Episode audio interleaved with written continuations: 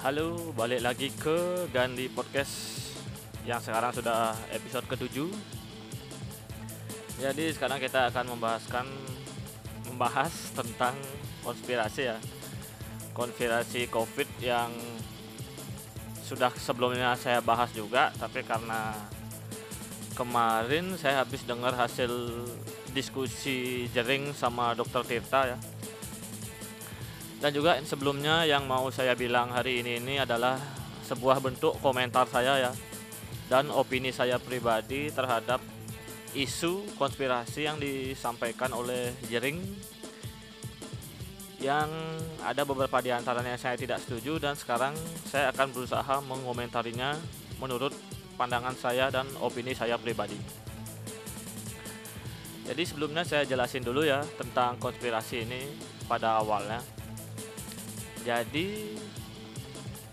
beli jering ini mengatakan kalau di balik skema COVID-19 ini ada skema besar yang dibaliknya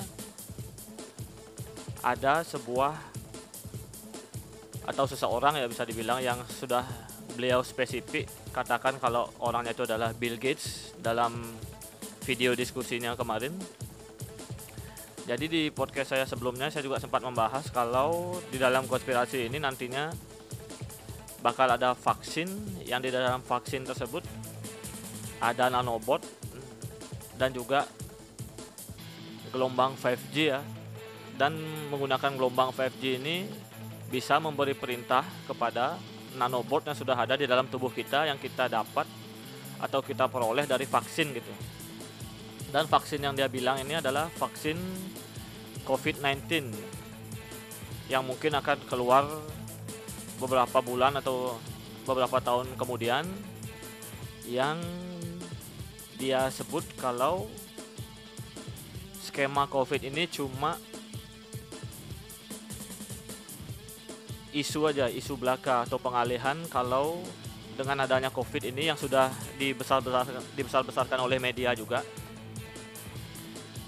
yang membuat ketakutan juga di masyarakat sehingga masyarakat nantinya pasti mau tidak mau ya harus menggunakan vaksin yang si jering ini bilang akan dikeluarkan oleh dibuat oleh Bill Gates gitu.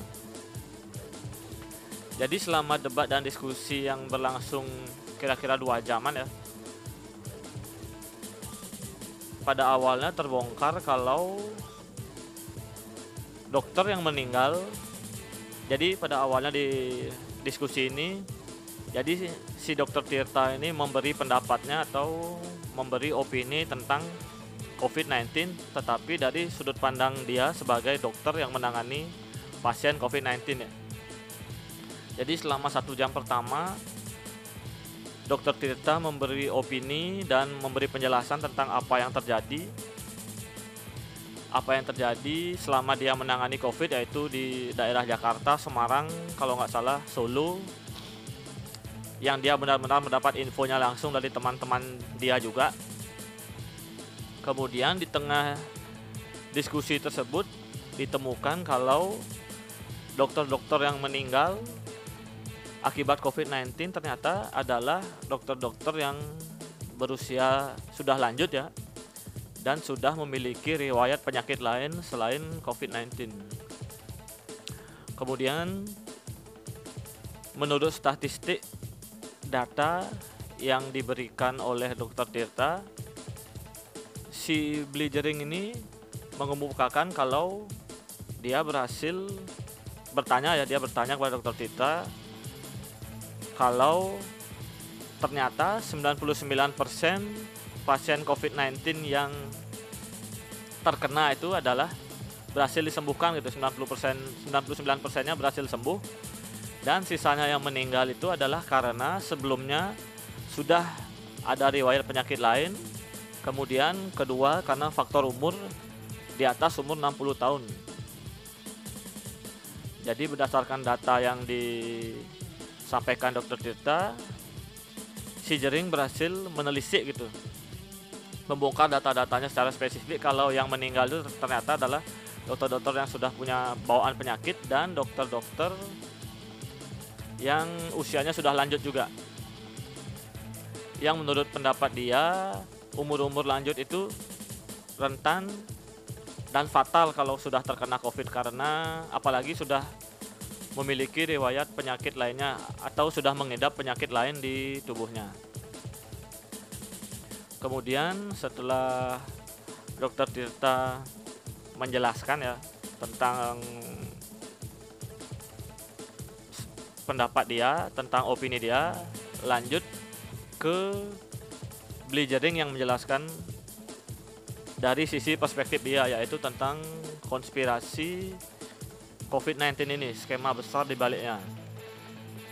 Jadi dalam diskusi tersebut si Jering mengatakan kalau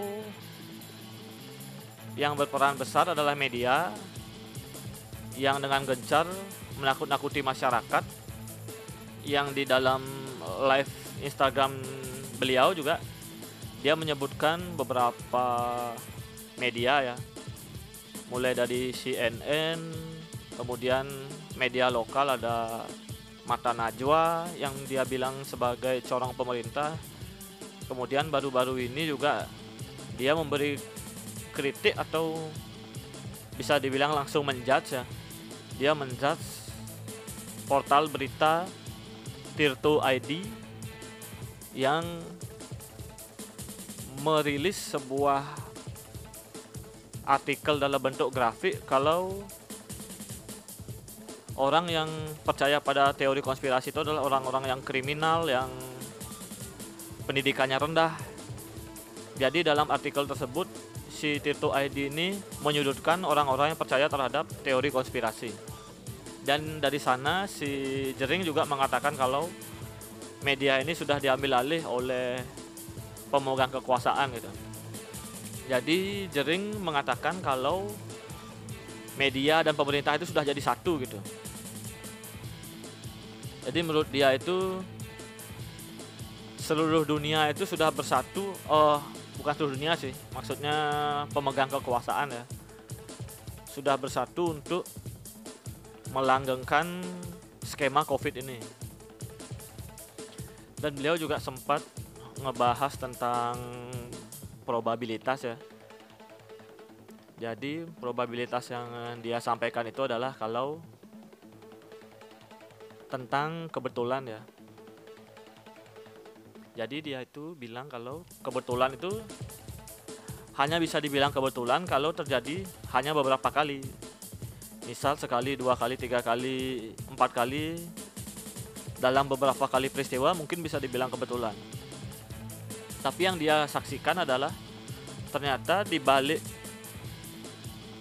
semua data yang dia peroleh ternyata ter mengerucut menjadi sebuah lingkaran kecil gitu. Jadi lingkaran kecil yang beliau bilang itu adalah yang beliau isyaratkan bilang ya yaitu Bill Gates, kemudian ada keluarga Rockefeller dan Rothschild. Yang nama-nama Rockefeller dan Rothschild ini saya juga sempat dengar dulu kira-kira empat tahun atau lima tahun lalu pokoknya waktu saya masih kuliah waktu saya menonton channel channel Flat Earth kalau nggak salah di YouTube. Cuma sampai 10 episode. Yang katanya sekarang sudah sampai 19 episode yang tidak saya tonton karena menurut saya sudah semakin tidak masuk akal ya. Jadi itu opini saya sih tidak masuk akal tentang elit-elit global itu. Kemudian di dalam live IG itu juga jaring mengatakan kalau Bill Gates ternyata bukan orang yang berawal atau memiliki dasar orang IT gitu. Jadi dia pure seorang bisnismen yang ayahnya adalah seorang pengacara yang memiliki relasi dengan keluarga Rockefeller. Jadi karena ada hubungannya dengan Rockefeller, si Jering membuat kesimpulan kasar kalau ya udah mereka bagian dari elit global gitu. Kemudian obat yang Blizzering sempat bahas juga yaitu obat chloroquine yang dia bilang harganya cuma satu sen satu sen US dollar yaitu 1.600 rupiah yang banyak dimiliki jadi cairan chloroquine ini banyak dimiliki oleh negara India. Kemudian pemerintah Amerika mulai mendekati pemerintah India ya untuk menjalin kerjasama mungkin untuk mendapatkan cairan chloroquine itu. Kemudian karena munculnya obat chloroquine ini di luar narasi besar elit global jadi narasi elit global ini bisa dibilang menurut jaring ya jadi elit global mengeluarkan virus COVID-19 jadi ini man-made yang dibuat oleh dan direncanakan oleh elit global dibuat virusnya yaitu bernama COVID-19 ini yang katanya dokumennya sudah dibuat dan tersusun rapi yang dibo sengaja dibocorkan oleh Rockefeller Foundation pada tahun 2010 atau 2011 saya lupa. Kemudian di dalam dokumen tersebut dijelaskan narasinya kalau pandemi itu akan pecah di Cina dan Cina adalah negara pertama yang melakukan lockdown dan itu benar-benar terjadi di dunia nyata ya secara realita itu memang terjadi kemudian yang menjadi masalah pada narasi elit global ini adalah yang seharusnya memberi obat atau vaksin terhadap COVID-19 ini adalah pihak dari elit global yaitu Bill Gates. Jadi menurut dia Bill Gates yang seharusnya menjadi sumber utama obat atau memonopoli semua obat dan vaksin tentang COVID-19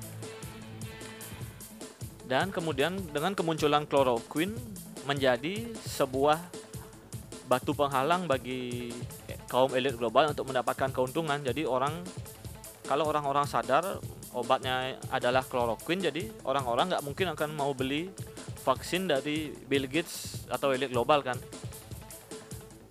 Jadi karena kaum elit global merasa tersandung dan merasa tersaingi, jadi dimunculkan sebuah narasi lagi kalau chloroquine itu ternyata menyebabkan efek samping mungkin jantung atau yang lain sebagainya. Jadi narasi ini benar-benar digembar-gemborkan ya oleh kaum elit global.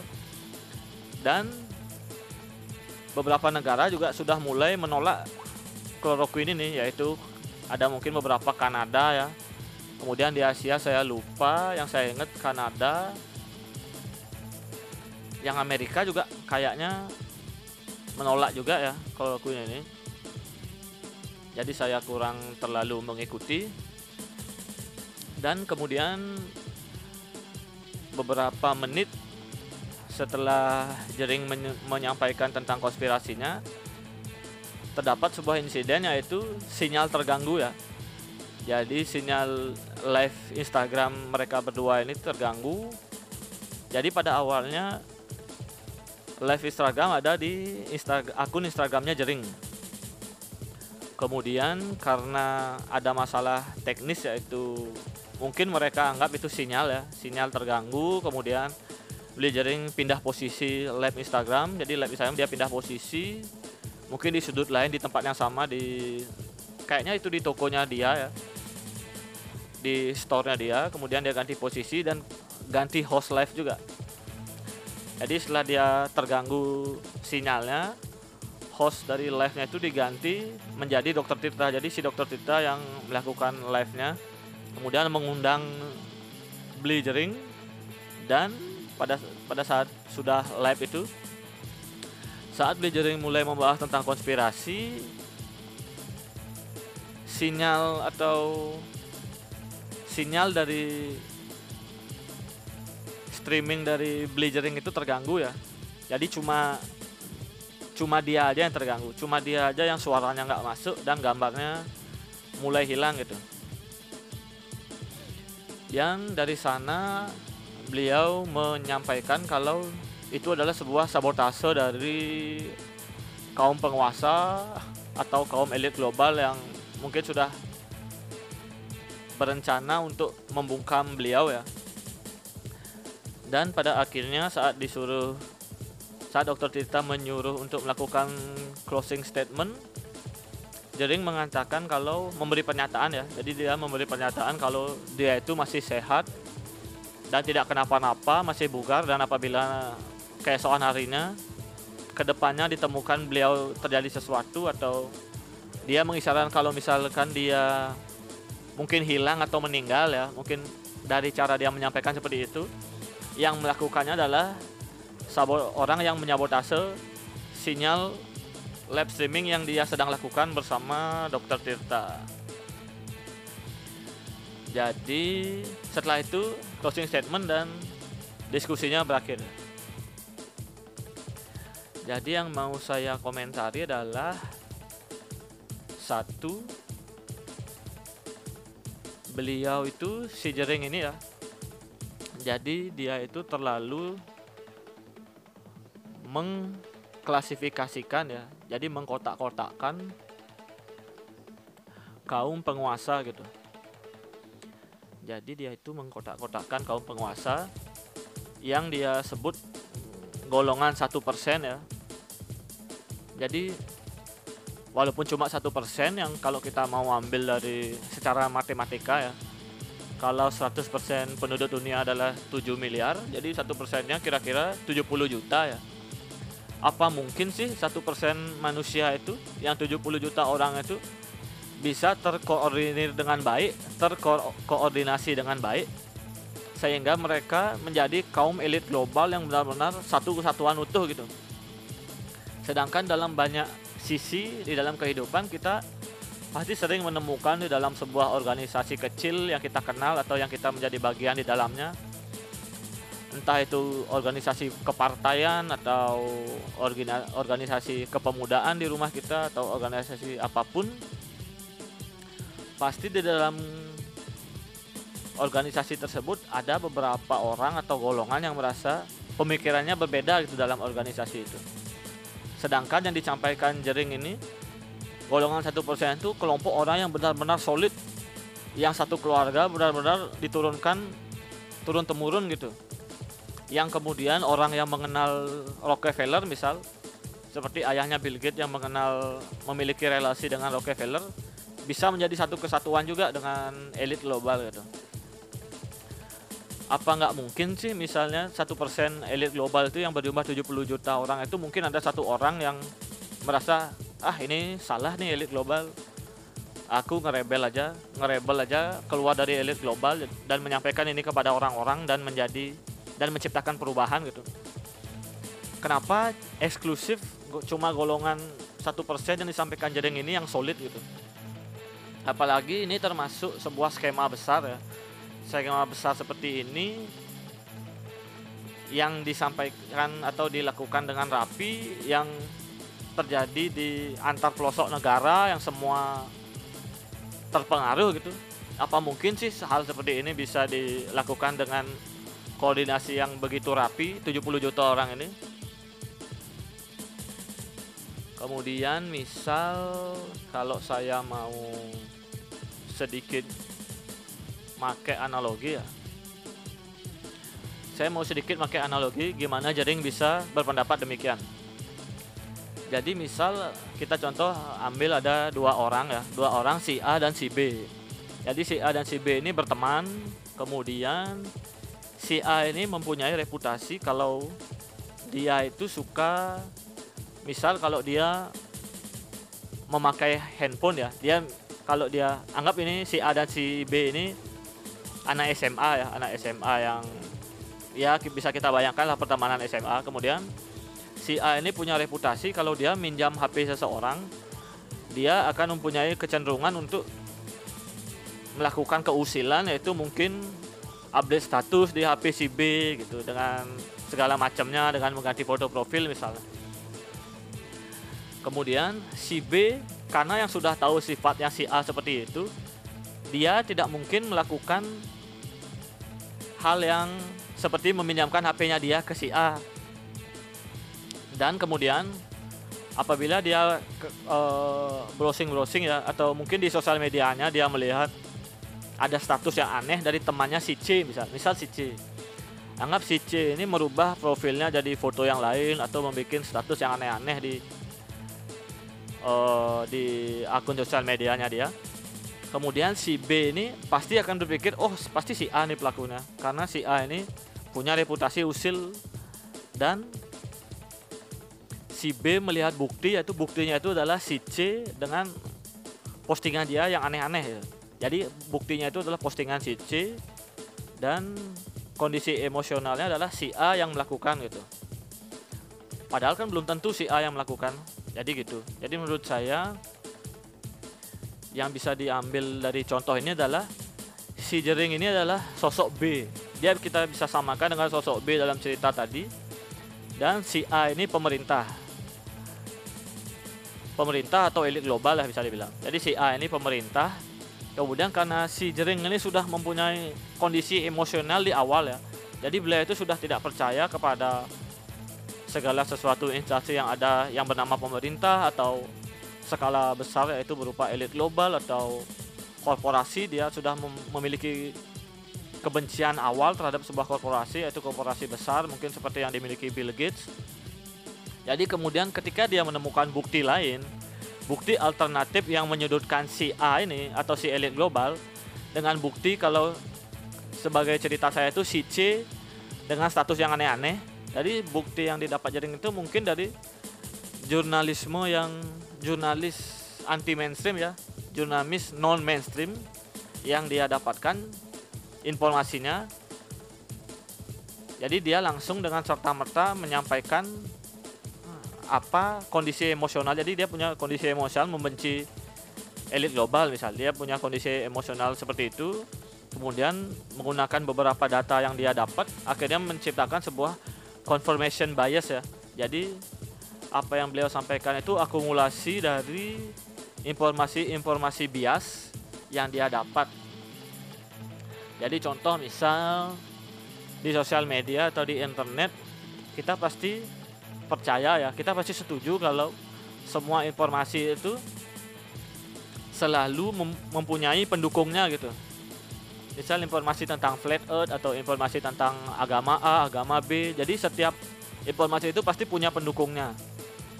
Jadi apa pun yang kamu percaya asal kamu punya artikel yang memiliki dasar sebagai kamu untuk lebih percaya diri untuk menyampaikannya ya pasti kamu gunakan informasi tersebut sebagai acuan kamu gitu. Dan menurut saya itu yang terjadi pada Jering ya. Dia mengambil informasi berdasarkan confirmation bias yang sudah dia rasakan sejak awal.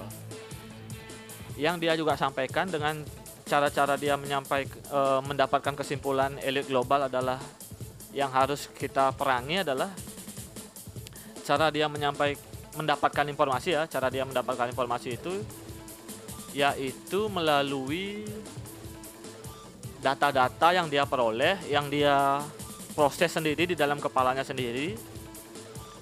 Jadi bukan seperti film dokumenter konspirasi ya. Mungkin kalau ada yang pernah nonton film konspirasi itu dokumenter.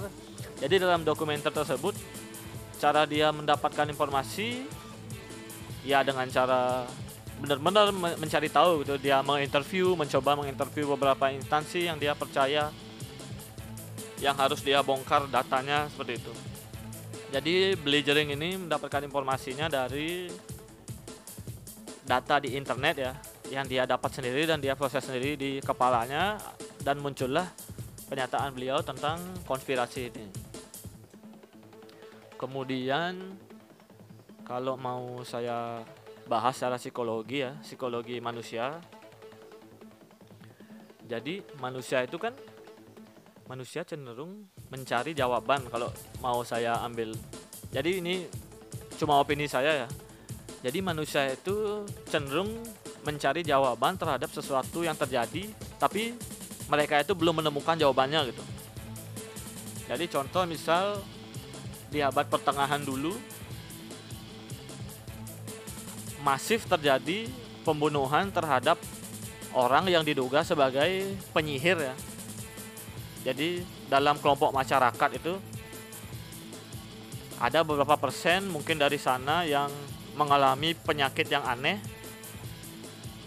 yang berakibat fatal juga. Kemudian diambil kesimpulan kalau itu semua disebabkan oleh penyihir dan orang-orang yang diduga penyihir itu dibakar sampai mati gitu. Dan di Bali sendiri masih ada fenomena demikian, maksudnya fenomena orang-orang yang memiliki kemampuan memberi penyakit gitu ya. Di Bali sangat kental sekali. misal kalau ada sanak saudara yang terkena penyakit pasti dihubung-hubungkan ke sana gitu. Ada orang yang iri atau mengirim penyakit seperti itu. Padahal mungkin aja itu adalah semacam jenis penyakit baru ya karena kita tahu virus-virus dan bakteri itu bisa bermutasi seiring dengan evolusi mereka gitu. Kemudian ada lagi kecenderungan manusia mencari jawaban sendiri ya kemudian dulu mungkin ada agama-agama primitif yang mungkin memuja batu atau segala macam memuja pohon ya mungkin masih ada sampai sekarang sih di suku-suku pedalaman ya jadi mereka merasa air yang mereka rasakan di sungai itu adalah sebuah berkah yang dikirim oleh suatu entitas yang lain kemudian pohon-pohon dan tanah subur yang mereka miliki gitu. Kemudian zaman dulu juga ada karena orang belum tahu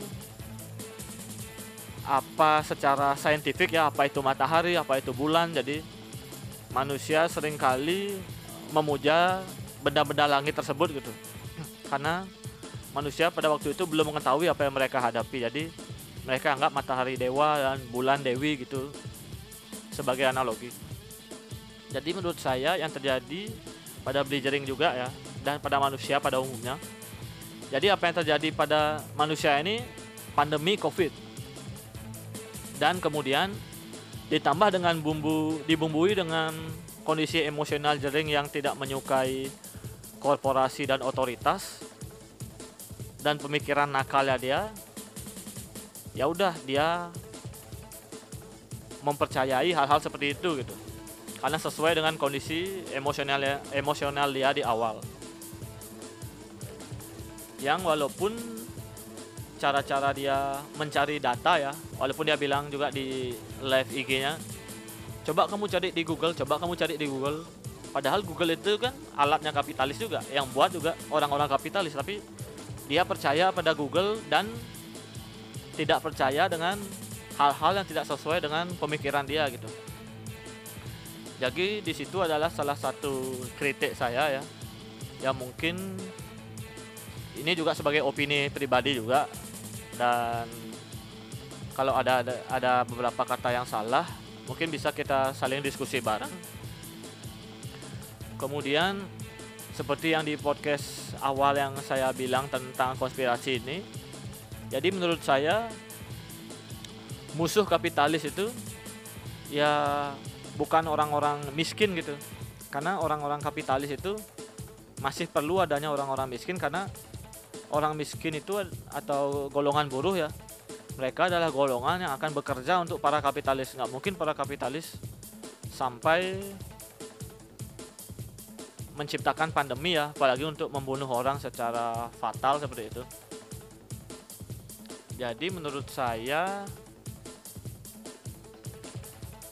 Oh dan juga uh, kaum elit global ini yang dia bisa dia bilang sejumlah satu persen dan berjumlah 70 juta orang itu saya rasa saya tidak setuju ya. Saya tidak percaya atau mungkin belum percaya.